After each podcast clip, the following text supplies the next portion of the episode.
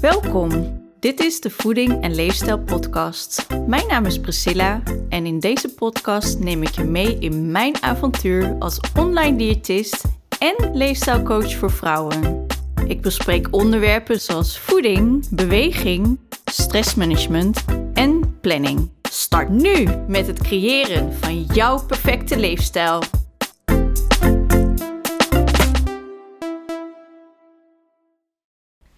Goedemorgen, goedemiddag of goede avond. Superleuk dat je weer luistert naar mijn podcast. Vandaag zit ik met fysiotherapeute Daphne aan tafel en gaan we gezellig kletsen over een aantal onderwerpen die te maken hebben met leefstijl en voeding, onder andere. Daphne, leuk dat je er bent. Welkom. Dankjewel voor je uitnodiging. En uh, ja, ik vind het super leuk om uh, vandaag wat uh, te vertellen. Ja, nou superleuk. Misschien kun je beginnen met iets te vertellen over jezelf. Wie ben je? Wat doe je? Nou, zoals je al zei, ik ben uh, en ik heb een uh, eigen praktijk. Dus ik ben daarnaast ook ondernemer. En ik ben sinds kort, althans het afgelopen jaar kan ik eigenlijk wel zeggen, veel meer bezig met vitaliteit en leefstijl. Om dat ook, laat maar zeggen, toe te passen in de praktijk met de patiënten die ik zie.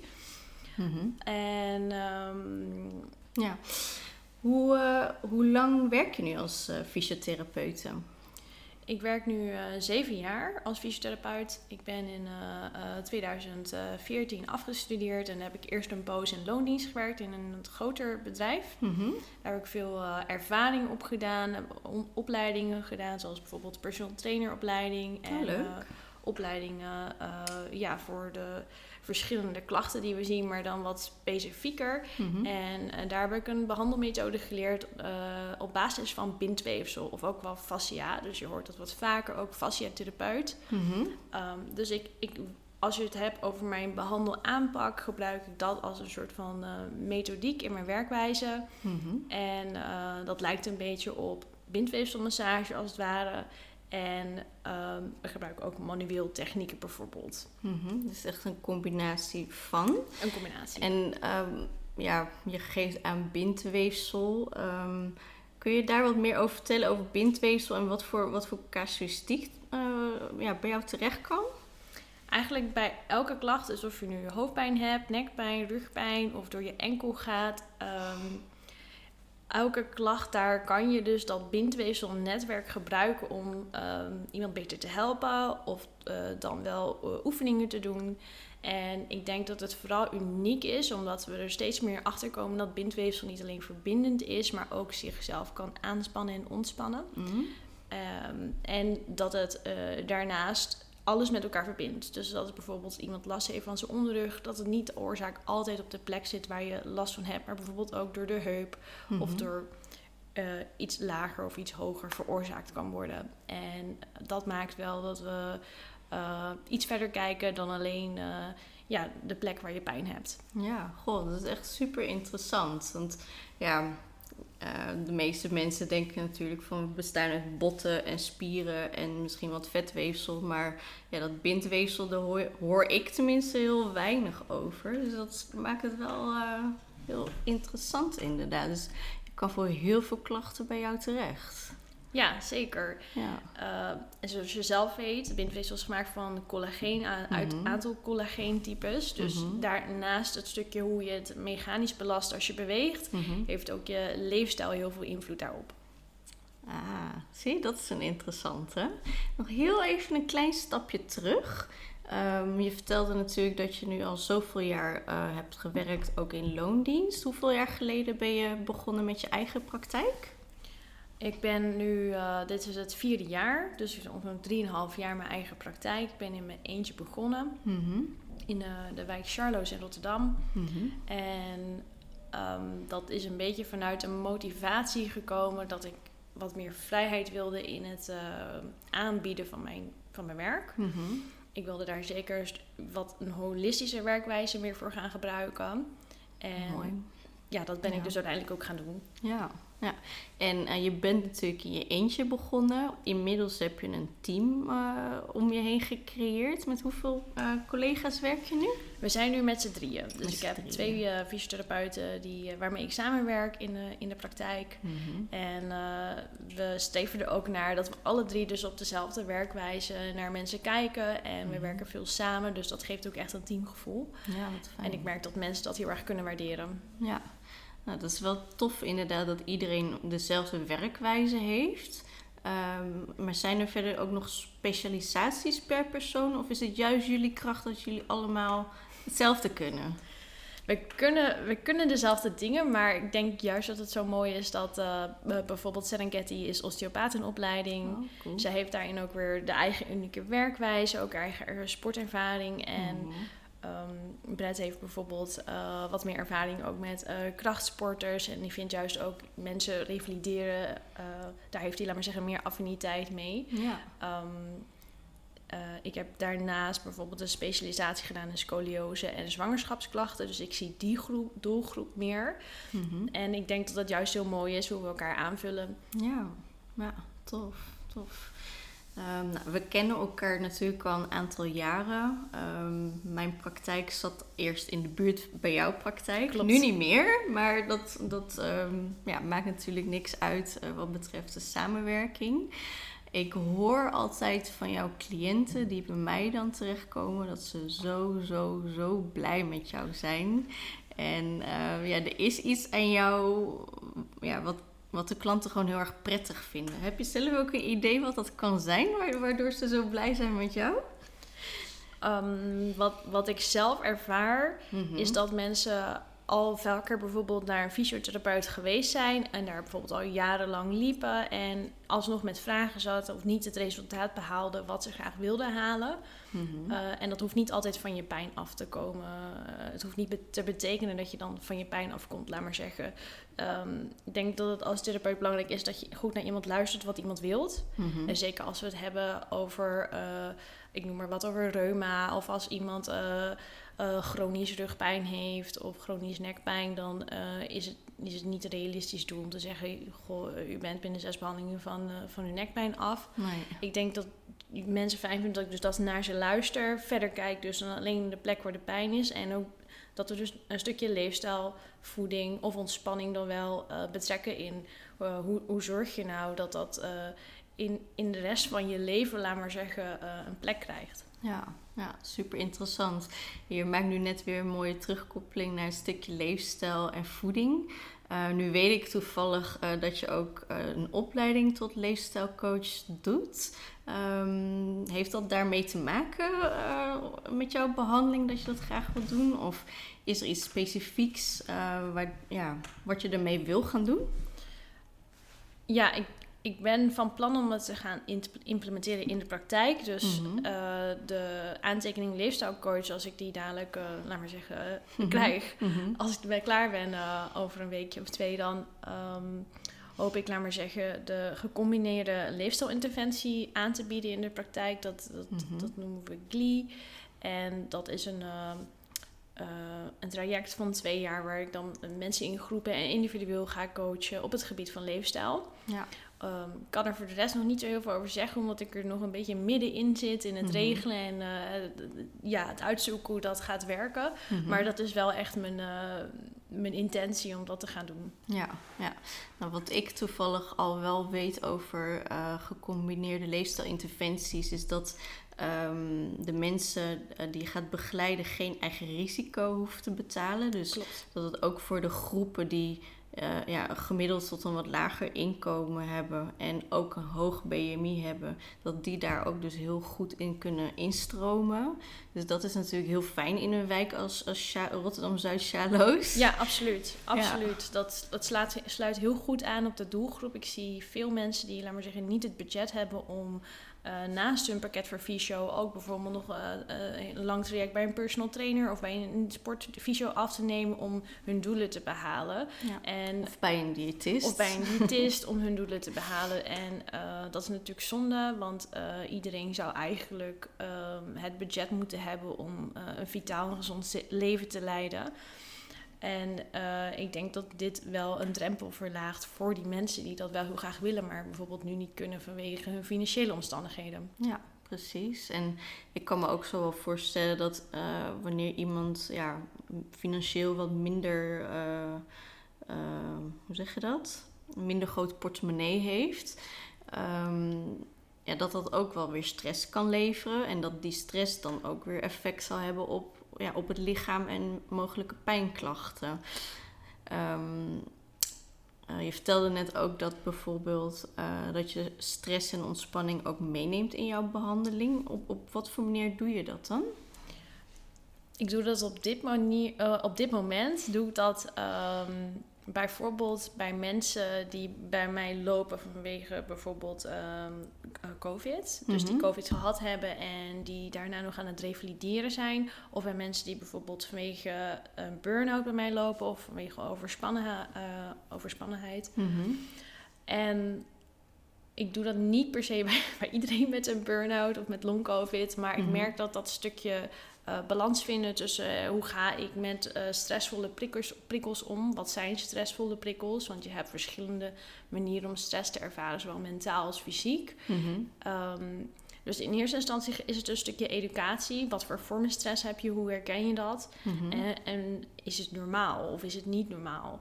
En uh, hoe, hoe reageer je daar zelf nu op? Ja, de interpretatie is natuurlijk ja. heel belangrijk in het stressgebeuren. Ja meestal als ik tegen iemand zeg van... Uh, goh, zullen we het eens een keertje hebben over stress? Dan reageer ze van, ja, dat heb ik ontzettend veel. Uh, of ik heb het ontzettend... Of ik heb, herken me er niet in. Nee. En dan gaan we vaak toch kijken naar van... Nou, goh, het lichaam geeft wel tekenen aan. Zoals hoofdpijn, misselijkheid. Ik kan niet goed herstellen. Ik sta stijf op. Ik kan niet lekker doorslapen. En zijn meer, meer dingen waar je het aan kan herkennen. Mm -hmm. um, en dan merk ik dat er wel een soort van herkenning ontstaat. Uh, door de tijd heen. En dat mensen krijgen dan uiteindelijk ook praktische tools om daar iets mee te doen. Dan wel op werk of weer in het reïntegreren of weer in het naar het sporten toe. Mm -hmm. Dus uh, ja, het ligt er dan net aan waar iemand natuurlijk zijn doel ja. op heeft gezet. Mm -hmm. Maar we gebruiken dus een stukje educatie, praktische tools zoals ademhalingsoefeningen. Oh, dat soms, is interessant. Ja, mindfulness om mensen daar bewust van te maken en ook Um, dat ze zichzelf als het ware een beetje kunnen terugroepen van oké, okay, als, ik, als ik dit dus voel, dan, dan ga ik daar iets mee doen. Ja. Oké. Okay. En uh, die ademhalingsoefeningen, leer je dat dan bijvoorbeeld ook aan iemand hoe dat voelt of hoe ze dat moeten doen? Of werk je samen met iemand die daar uh, trainingen in geeft? Of hoe, hoe, hoe, werkt dat? Ik doe dat zelf. Mm -hmm. Dus ik heb zelf extra scholing gehad. Uh, op gebied van vitaliteit en hun, in die scholing heb ik ook een, een extra onderdeel over ademhaling gehad. Mm. En uh, vanuit daar ge gebruik ik dan verschillende ademhalingsoefeningen of dan wel mindfulness. Mm -hmm. uh, wat ik denk dat het best op dat moment bij iemand aansluit, uh, ja, om zo iemand verder te helpen. Ja, tof, tof. Ik, uh, daar wil ik het nog wel een keertje over hebben samen. Uh, een andere keer dus. Um, um, wat ik verder nog interessant vind om te weten.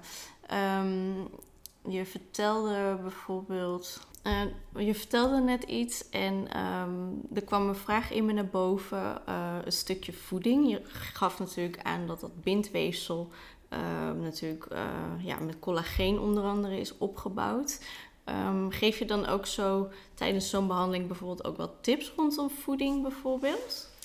Ja, geef ik, geef ik zeker. Als ik denk dat ik met laagdrempelen tips uh, iemand kan helpen, doe ik dat vaak direct. Mm -hmm. uh, ik laat mensen vaak een vragenlijst invullen. Daar uh, moeten ze ook een soort van globaal invullen wat ze, wat ze bijvoorbeeld ontbijten, snacken, lunchen, avondeten, hoe vaak ze drinken. Mm -hmm. Daar zit meer in dan alleen dat stukje voeding. Maar als mm -hmm. ik zie dat iemand bijvoorbeeld uh, s ochtends vaak stijf opstaat of een dipje heeft na het eten van zijn maaltijd. En er blijkt dat bijvoorbeeld in de maaltijd uh, veel koolhydraten zitten. Uh, vaak zie ik weinig groente, weinig fruit. En ook in de snacks ook veel suikerhoudende snacks. Mm -hmm. En ik zie dat iemand bijvoorbeeld slecht herstelt. Nou, we weten van suikers dat het toch een soort van ontstekingsmediatoren kan ver, ja, vergroten binnen het lijf, ook het eten daarvan. En dan geef ik daar ook advies over. Ja. Dus ik zorg dat iemand weet waar die suikers dan in zitten. Mhm. En dat ze dat dan bijvoorbeeld voor, de, eh, voor een periode van drie of vier weken minder of niet gaan eten. Eh, nou, kan je niet geen koolhydraten eten, maar dan bedoel ik Nee, niet snoepen. gewoon wat minder eh, suikers Ja. in ieder geval. En ook een keertje Mhm. gaan ervaren van wat doet dat dan bijvoorbeeld voor de gewrichtsklachten die ik Ja. heb. Want ik zie daar wel grote verschillen Ja. in. Dus dat mensen hun eigen lichaam soort van wat beter voor zichzelf laten werken. Ja, goeie, goeie. En als ik eh, denk dat, eh, dat ik met eenvoudige tips het niet kan oplossen, want ik ben echt niet van, eh goh, eet eens wat minder suiker en dan zal je bijvoorbeeld van afvallen, daar geloof ik niet zo snel in. Of je zal van je pijn afkomen daarvan. Ik bedoel, het zijn allemaal subtiele, subtiele tips die wij geven als fysiotherapeut of als leefstijlcoach. Mhm. Maar als ik denk dat ze er meer uit moeten halen, stuur ik ze eigenlijk naar jou toe. Ja, precies. En dat is natuurlijk een hele mooie samenwerking eh, Ja. daarin. Ehm, ik ben nog heel even nieuwsgierig naar, eh, naar, jou, naar jou als persoon. Ehm, kun je misschien wat meer vertellen over jouw eigen leefstijl en over je eigen voedingspatroon? Ja, dat- Ja, vind ik een leuke vraag. Ik ben nu op dit moment best wel tevreden met mijn leefstijl. Ehm, ik heb het afgelopen jaar naar, eh, vooral aan voeding gewerkt. Mhm. Niet omdat ik per se ongezond at, maar omdat ik wel merkte dat ik minder energie had van het eten van bepaalde voeding, eh, waaronder bijvoorbeeld zuivel. Daar wist ik zeker van dat ik daar gewoon niet goed tegen kon. En eh, ik kreeg het idee dat ik ehm, met de dingen die ik zelf deed, dat, ik, dat, ik, dat het niet voldoende was voor me. Ehm, dus toen ben ik eh, gestart met de EMB-test. En ik moet zeggen nu, het is nu ongeveer een half jaar verder, dat ik er wel echt veel aan gehad heb. Mhm. Niet per se in de zin van dat ik eh, ben afgevallen. eh, ik merk, mijn gewicht is stabiel gebleven. Mhm. Maar ik merk dat ik meer energie heb. Dat ik veel beter weet wat ik wel en niet kan eten. Ehm, ik had hiervoor best wel vaak darmklachten. Nou, dat is ook gestabiliseerd. En als ik er last van heb, dan, dan weet ik wat ik moet doen. Mhm. Dus ik heb daar veel aan gehad voor mezelf, voor mijn energieniveau. Ik slaap beter. Dus ik eh, kan wat dat betreft zeggen dat ik daar heel eh, erg tevreden over ben. Mooi. En in het, eh, in het allerbegin, toen ik net begon met ondernemen, heb ik het wel heel erg stressvol ervaren. En ik denk dat dat ook gewoon normaal is. Ja, Ik denk dat eh, de menig mens een eigen bedrijf opstarten stressvol vindt. precies. Dus eh, ik heb in die periode, toen ik net startte, heel veel met mijn ademhaling gedaan. Heel veel ademhalingsoefeningen, veel met mindfulness therapie. Ook niet zozeer omdat ik, laat maar zeggen, niet lekker in mijn vel zat. Ik vind ook Mhm. altijd, je hoeft niet doodziek te zijn Nee. voordat je iets gaat doen. Maar ik, ik kon daardoor wel beter presteren. Mijn sportprestaties gingen omhoog. En ook in de praktijk merkte ik gewoon dat ik alerter ben. En dat, was, dat had eigenlijk alleen maar met ademhaling te maken. Ja, bizar. Dus ik heb wel- Extra zuurstof Ja. voor je hersenen, zeg maar. Precies, ik ben wel. eh, ik, ik vind het ook altijd fijn dat als ik een soort van advies geef aan, aan mensen in de praktijk, dat ik ook zelf weet wat het voor mezelf doet. Mhm. En dan spreek je ook uit ervaring. Precies, precies. En ook mooi wat je net vertelde. Dat je iemand eh, iets voor een paar weken laat uitproberen. En dat je het dan samen gaat evalueren. Van hé, hey, hoe is het nou gegaan? Wat is je ervaring? Maar goed, dat is even terug terzijde. Ehm, dus je hebt een, een periode gehad dus dat je ehm, ja, veel met je eigen ehm, ademhaling bezig bent geweest. Een stukje mindfulness. eh, dus echt om je, om je hoofd helder te krijgen en dergelijke. En de afgelopen periode ben je dus meer met voeding bezig geweest. Hoe, hoe, hoe, hoe ziet jouw we- beweegpatroon er tegenwoordig uit? Ik sport eh, twee tot drie keer in de week. Dus ik Mhm. sport eigenlijk altijd eh, eh, twee keer naar werk. Ik mijn praktijk zit in een sportschool. Dus meestal ga ik twee keer in de week na werk fitnessen of iets van cardio doen. En ik hou erg van hardlopen of buiten nog eh, eh, extra dingen doen, fietsen. En in de zomer doe ik ook wel eens suppen. Dus Mhm. dat, ik doe, probeer ook één keer in de week een soort van buitenactiviteit te doen. Maar dat hoeft niet altijd per se in te houden dat ik me helemaal kapot zweet. Maar dat ik gewoon lekker in beweging Ja. ben. Mhm. Ehm, ik heb twee honden, dus ik loop veel. Ik, als ik thuis ben, voor naar werk, heb ik altijd een wandelingetje. Oh, dus ik denk dat ik eh, aan beweging op dit moment eh, niet per se eh, tekort kom. nee, precies. Nee, dat is, dat is wel grappig. Want als ik een intake heb met een, met een cliënt, dan vraag ik ook altijd van... Goh, heb je ook een, een hond toevallig? Gewoon om te kijken van...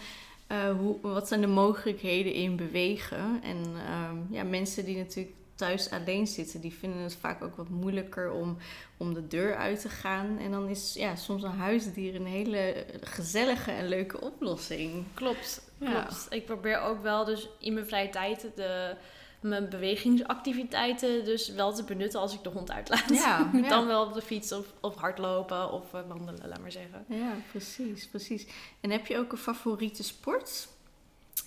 Ik, ik, ik geniet het meest van hardlopen. Dus Mhm. dat is denk ik wel wat ik het leukst vind. Ik ben sinds een eh, jaar of twee aan het suppen. Maar ik moet zeggen, ik ben echt wel een mooi weersupper. Ik ga Mhm. niet het water op met mijn, met mijn Mhm. eh, surfboard als het, eh, als het regent en waait. Dus, Nee.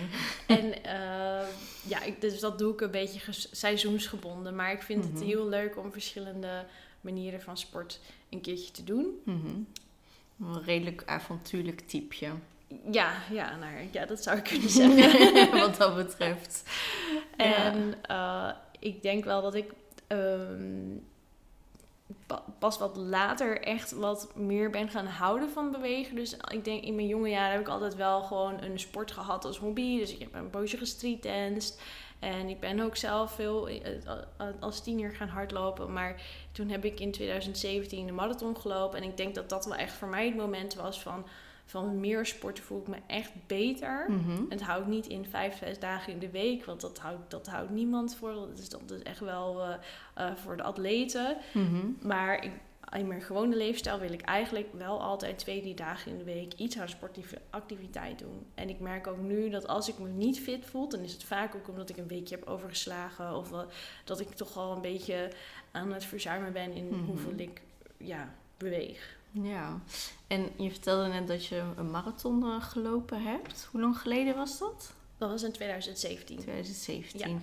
En ehm, wat heb je gedaan om je daarop voor te bereiden?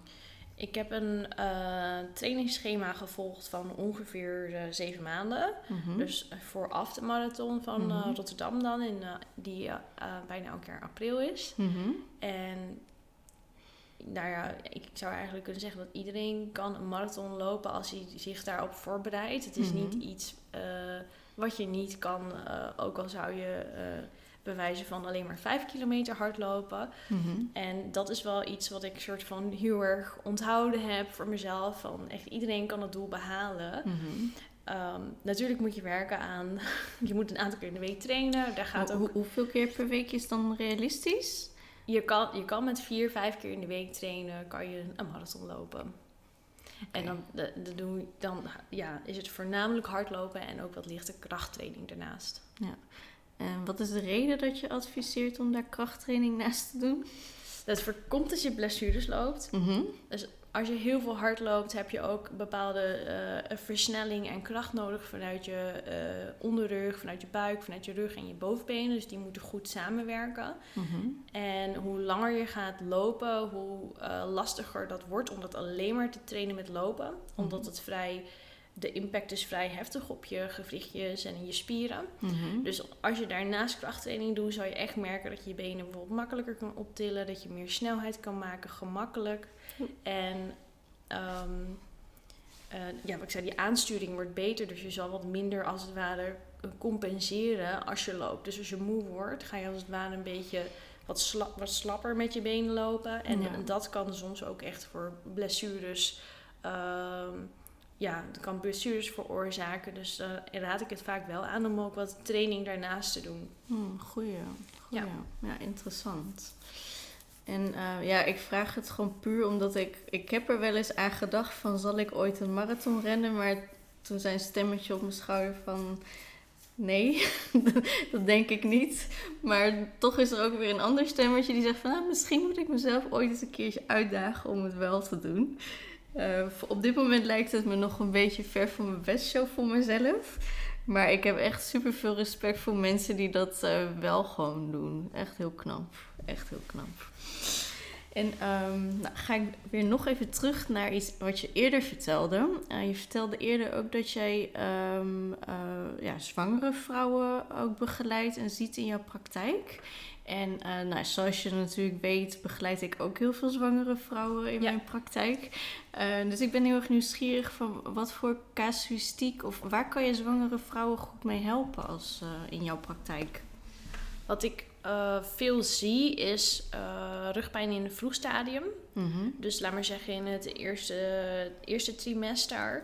En dus dat, dat, daar, daar kan een fysiotherapeut je goed bij begeleiden. Zeker als je nog geen buik hebt, dan kunnen we nog veel voor je doen. Dan kunnen we ook in de training nog wat met je doen. Mhm. Dus ik, ik vind uh, ja, dat, dat, dat, dat, die educatie geef ik ook vaak aan verloskundigen als ik daarmee samenwerk. Van in het eerste trimester, als er klachten zijn, is het gewoon slim om dat als het ware altijd tackelen. En wacht niet tot het einde van je zwangerschap mhm. als het op zijn hoogtepunt is en het lukt niet meer. Nee. Dus dat uh, vind ik een belangrijk onderdeel van die zwangerschaps.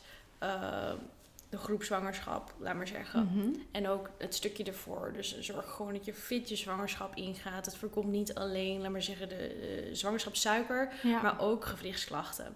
Ja. Dus, dus, het is nooit een garantie, maar we zien mhm. gewoon uit, blijkt gewoon uit onderzoek dat als je fit die zwangerschap ingaat, je voeding en een stukje beweging um, ja, in orde is, dat je mhm. gewoon minder kans maakt op bepaalde problemen zoals bekkeninstabiliteit of dan wel uh, uh, ja, suiker, zwangerschapssuiker. Mhm. Dus dat soort uh, informatie geef ik vrouwen ook vaak in dat eerste gedeelte. En meestal in het tweede of een derde trimester zie ik mensen, dus de, dames meer met klachten van dan wel het, het groeien. Dus buik, liesklachten, schaambeenpijn mm of bekkenpijn. Of heuppijn kan natuurlijk ook. Mhm. Maar het is, het is, allemaal een beetje gecombineerd met elkaar. Ik help daar dus, laat maar zeggen, onder andere met uh, manueel en uh, mobilisaties. Dus dat dus het aanraken, dus hands-on therapie help ik uh, bij dat het lichaam wat beter beweegt. Mhm. Daar krijg je vaak daarnaast ook nog wat oefeningetjes bij. Mhm. En afhankelijk hoeveel klachten je hebt, ja, de, de, ene dame die herstelt binnen drie, vier behandelingen. De ander die, die, die heeft er tien nodig gedurende de hele zwangerschap. Dus dat is ontzettend uh, verschillend. Ik kan dat ook vaak niet goed voorspellen. Nee. En um, wat ik net wel zei, dus ik zie hoe fitter iemand is, hoe makkelijker je de hele ja, bevalling doorfietst, als het ware. Ja, ja, ja. En, en die bekkenstabiliteit, hè? ik hoor dat best wel veel. Um, kan iedereen dat zomaar krijgen? Of, of zijn er ook indicatoren dat, dat je dat als je A of B hebt, dat, dat je het sneller krijgt? Of heb je er enig idee van? Ik denk dat het uh, van verschillende dingen afhangt. En dat het ook net zoals bijvoorbeeld whiplash, edesie, het zijn termen. Dus bekkeninstabiliteit mm is ook een term mhm. waar meerdere problemen onder vallen. Maar ook een beetje een een, een trend is, is mhm. geweest. Dus ook binnen mijn, mijn, mijn, beroepsgroep zijn we er een beetje uh, voorzichtig met de term. Omdat mhm. Veel vrouwen denken als je het woord bekkeninstabiliteit gebruikt, dat je bijvoorbeeld in een rolstoel belandt. Oh. En dat is gewoon niet waar. Nee. Um, ik benoem het meestal meer als rugpijn of bekkenpijn. Of je hebt last van je stuit. Ja. Het wil niet zeggen dat dat bekken gelijk instabiel is. Maar we zien gewoon dat dat bij sommige vrouwen wat lastiger gaat. Dat dat bekken goed naar achter kan kantelen in die baarpositie. En dat, dat kan dus meer pijn opleveren. Ik geloof wel dus dat het verschillende dingen afhangt. Zoals hoeveel beweeg je, hoe ligt je babytje, hoe is de, laat maar zeggen, hoeveel vruchtwater heb je in je buik. Dus er zijn, hoe je hormonale balans. Er zijn best wel wat dingen die daar een rol in spelen. Ja, ja. En, en zeg maar, uh, zo tegen het einde van de zwangerschap, dan ja, worden die gewrichten natuurlijk ook wat, wat ja, flexibeler, wat zachter, hoe je dat ook noemt. Speelt dat ook een rol daarin, denk je? Ja, maar in feite gebeurt dat natuurlijk bij elke vrouw. Ja, elke vrouw ja, daarom, Dus dat is natuurlijk raar. Waarom krijgt de een er last van en de ander niet? En dat weten we eigenlijk nog niet zo goed. Nee. Waarom krijgt de een er nou wel ontzettend veel last van en de ander niet? Maar we zijn allemaal verschillend. Dus dat maakt het ook ontzettend lastig om zo'n doelgroep goed te onderzoeken. Mhm. Ehm, wat ik zie is dus dat uh, een stukje ademhaling uh, neem ik vaak door. Uh, posities, hoe je het beste kan opstaan en weer kan gaan liggen. Bepaalde bewegingjes die dan toch prettig werken. Zeker in mhm. dat laatste trimester. Dus er is wel zeker iets mee te doen. En je hoeft echt niet in een rolstoel te behandelen, belanden. dat, dat, zie ik, dat zie ik heel weinig. Um, maar als je veel pijn hebt dan is de kans dat je na je zwangerschap ehm, snel herstelt ook iets kleiner. Dus ik zie vaak die dames daarna ook met iets meer problemen. Ja. Dus dan heb ik het echt over vrouwen waar, uh, waar uh, ja, die echt langdurig veel pijn hebben rondom het bekken en de lage rug. En dan ook zie ook dat die, laten we zeggen, na de zwangerschap die dat ook vaak nog houden. Ja, ja. ja want wat ik vaak zie um, is dat de vrouwen die ja, al tijdens de zwangerschap pijnklachten ervaren rondom uh, ja, hun bekken, heupen, onderrug. Um, dat die vaak ja, wat passiever worden omdat ze pijn hebben. En dat de fysiotherapeut, de fysiotherapeut waar ze dan heen gaan vaak zegt van neem je rust, neem je rust, neem je rust. Maar ja, als, ze komen dan vaak bij mij omdat ze dan bijvoorbeeld te veel in gewicht aankomen doordat ze zo passief zijn. Is dat ook een advies wat jij snel zou geven van neem die rust? Of zeg je van blijf wel gewoon rustig in beweging, maar op een voorzichtige manier? Of ja, hoe, hoe kijk jij daarnaar? Nou, in sommige gevallen kan je haast geen bedrust geven. Zoals bijvoorbeeld een moeder die al twee kinderen of een kind heeft mhm. rondlopen. Die kan, ja, die kan wel op bed gaan rusten, maar die, die, die zal toch ook uh, ja, wat dingen moeten doen zelf. Dus mhm. vaak is het geen, ik vind het geen praktische oplossing ja, misschien in sommige gevallen is het nodig, maar dat, ja, dat zeg ik in sommige gevallen zelden. Uh, dat ik echt denk van nou, dit is echt door, door overbelasting als het ware tijdens de zwangerschap en te veel activiteit nou, uh, vergroot ook de kans op een miskraam. Dus er zijn zeker redenen wanneer je zou zeggen bedrust. En dat doet de gynaecoloog ook wel eens, laat maar zeggen, voorschrijven. Um, maar dan hebben we het echt over iemand die bijvoorbeeld meerdere keren per dag harde buiken heeft. Uh, inderdaad meer complicaties, dus ook uh, zwangerschapssuiker enzovoort. Dan, dan, mhm. dan loopt zoiets best wel op tot een advies van bedrust. Maar niet, niet gelijk in eerste instantie al. Ik, we starten wel met bewegingsadviezen. Ja. Juist wel.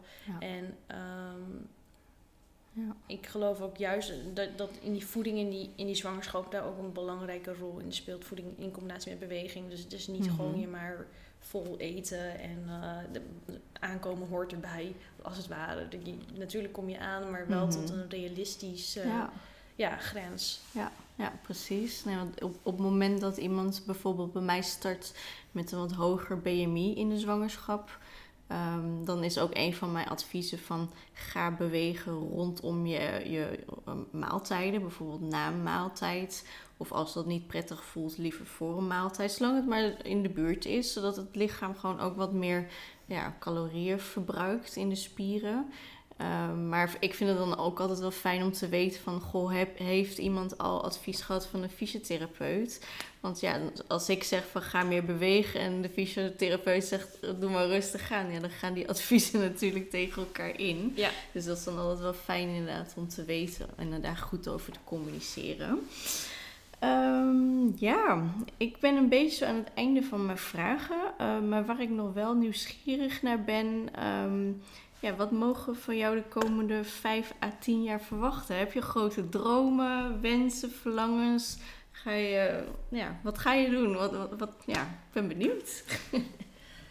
nou, dat is, een, dat is een goede vraag. Het is wel iets waar ik me op dit moment mee bezig hou. Dus uh, mijn, mijn visie met mijn bedrijfje was dat ik uh, dus een fysiotherapie praktijk zou willen aanbieden waar, met een holistische aanpak. En ik ben nu met dat hele leefstijl pakket bezig om dat aan te bieden. Dus ik hoop eigenlijk dat dat over vijf jaar gewoon lekker, loopt. En ik, ja. bewijs van, ik ben nu nog uh, samenwerkingen aan het benaderen en uh, aan het kijken naar welke programma's ik zou willen aanbieden. En of ik dat alleen maar via de zorgverzekeraar wil doen of ook particulier.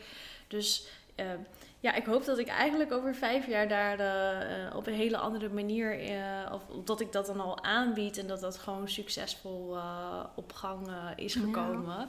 Ja. En ja, ik had nou nooit durven dromen dat ik binnen drie, vier jaar een hele goed lopende praktijk had of heb. Nee. Dus ik ben eigenlijk al uh, ontzettend blij met wat ik nu hmm. bereikt heb. Ja, nou, ik zou ook super trots zijn als ik jou was. Hey, en ehm, ehm, wil jij bijvoorbeeld nog helemaal fulltime in je bl- bedrijf blijven werken? Of heb je zoiets van, nou, ik zou eigenlijk wel de helft minder willen werken en mijn praktijk meer aansturen. En daarnaast misschien ja, rondreizen of iets anders eh, doen. Want ik weet toevallig dat jij een heel leuk huisje hebt, Ja. namelijk een camper. Klopt. ja, ik heb naast dat, laat maar zeggen, eh, de afgelopen paar dat ik voor mezelf werk, hebben we ook onze eigen leefstijl. En dan noem ik het ook even leefstijl, want we, Mhm. we wonen niet meer in een huis eh, sinds een jaar, nu sinds een anderhalf jaar, maar in een, in een bus. Mhm. Dus we wonen in een camperbus en eh, dat bevalt ons ontzettend goed. Ja, heerlijke was- vrijheid. Ja, we hebben veel vrijheid en het was helemaal geen origineel plan of zo, maar we zijn er een beetje soort van in terechtgekomen. eh een paar keer over nagedacht. We zijn het gewoon gaan doen en eigenlijk eh, hebben we sindsdien nooit meer het gevoel gehad van eh, zullen we nog een keertje gaan zoeken naar een huis. en eh, ja, ik denk zolang we dat gevoel hebben dat we dat ook ja, nog niet doen, Mhm. mits er iets, eh, iets heel moois op ons pad komt. Mhm. Ehm, willen we gaan rondreizen? Ja, we willen wel reizen, maar ik wil niet per se voor een half jaar weg. Althans, nog niet dat ik daar, me daar nu comfortabel bij voel.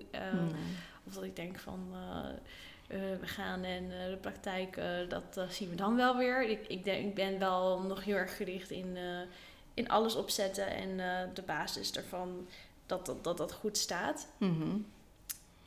Dus Ja. en ik, ik, ik- vind het gewoon heerlijk om fysiotherapeut te zijn. Dus ik wil Ja. niet minder Nee, werken. Je blijft gewoon Nee. lekker fulltime knallen, zeg maar. Absoluut. in en aan je bedrijf. Ja. Ja, nou super tof. Ehm, nou, ik wil je in ieder geval heel erg bedanken. Ho- voordat ik het vergeet, ehm, waar kunnen we jou vinden? Kunnen we jou op eh, het social media vinden, eh, website? Ik zou zeggen, vertel. ja, ik ben eh, actief op Instagram. Dus we hebben een eigen account, at Back to Balance. Dus Back to Balance is de naam van mijn praktijk. En physiobacktobalance.nl is de website. Dus dat is gewoon hetzelfde. Ja, En eh, ja, daar op mijn Insta-account kan je veel leuke filmpjes. Ik geef daar veel informatie over leefstijladvies. En Mhm. eh, ja, wat onze behandelmethode verder inhoudt. Je ziet fotootjes van onze therapeuten en de technieken die we toepassen. Dus ik Mhm. zou zeggen, vind je het interessant? eh, neem zeker even een kijkje. Ja, en ook als je bepaalde klachten ervaart of wil, ja, dingen wil leren over je lichaam, dan neem gerust contact natuurlijk met jullie op. Jullie hebben meestal wel plek de aankomende twee weken, denk ik. Ja, we kunnen meestal mensen wel inplannen Ja. binnen een week. Ja. Binnen een week. Oké, nou super fijn. In ieder geval nogmaals super dankjewel. Ik vond het heel erg leuk om eh, ja, vandaag de podcast met jou op te nemen. En ehm, ja, we spreken elkaar natuurlijk binnenkort ook wel weer. Ja, bedankt. Alright, hoi.